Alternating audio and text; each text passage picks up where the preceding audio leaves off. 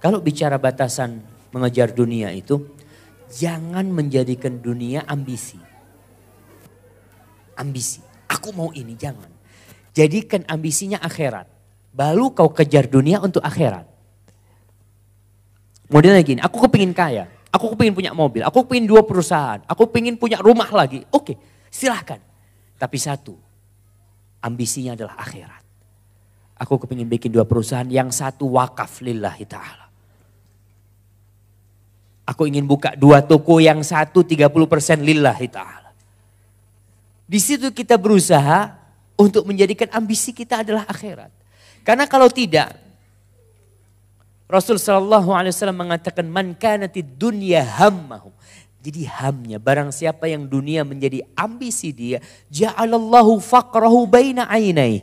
Allah akan menjadikan kefakiran itu di depan matanya. Fakir, takut, miskin dia terus.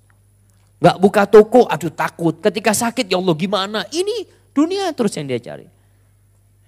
Wasyattata alaih syamlah. Urusannya Allah cerai beraikan. Ketika sebagian manusia masih bisa ke masjid, dia nggak bisa ke masjid. Kenapa? Belum selesai urusannya.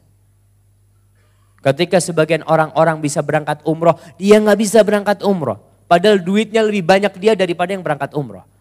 Kenapa? Urusannya Allah cerai beraikan. Walam ya'tihi minat dunya illa ma Dan ternyata sanksi yang berat juga, walaupun dia udah capek, dunianya tetap. Dalam artian kalau dia berangkat umroh dapat 1 M, dia nggak berangkat umroh tetap 1 M. Jadi subhanallah. Tetap udah seperti itu yang ditentukan. Waman tid akhiratu hamma. Barang siapa yang akhirat menjadi ambisi dia. Ja'alallahu ghinahu fi qalbih. Allah jadikan kekayaan ada di dalam jiwanya. Mau sedekah nggak takut miskin. Berangkat umroh, berangkat umroh lagi. Inti berangkat umroh lagi. Iya, nggak takut habis duitnya. Subhanallah.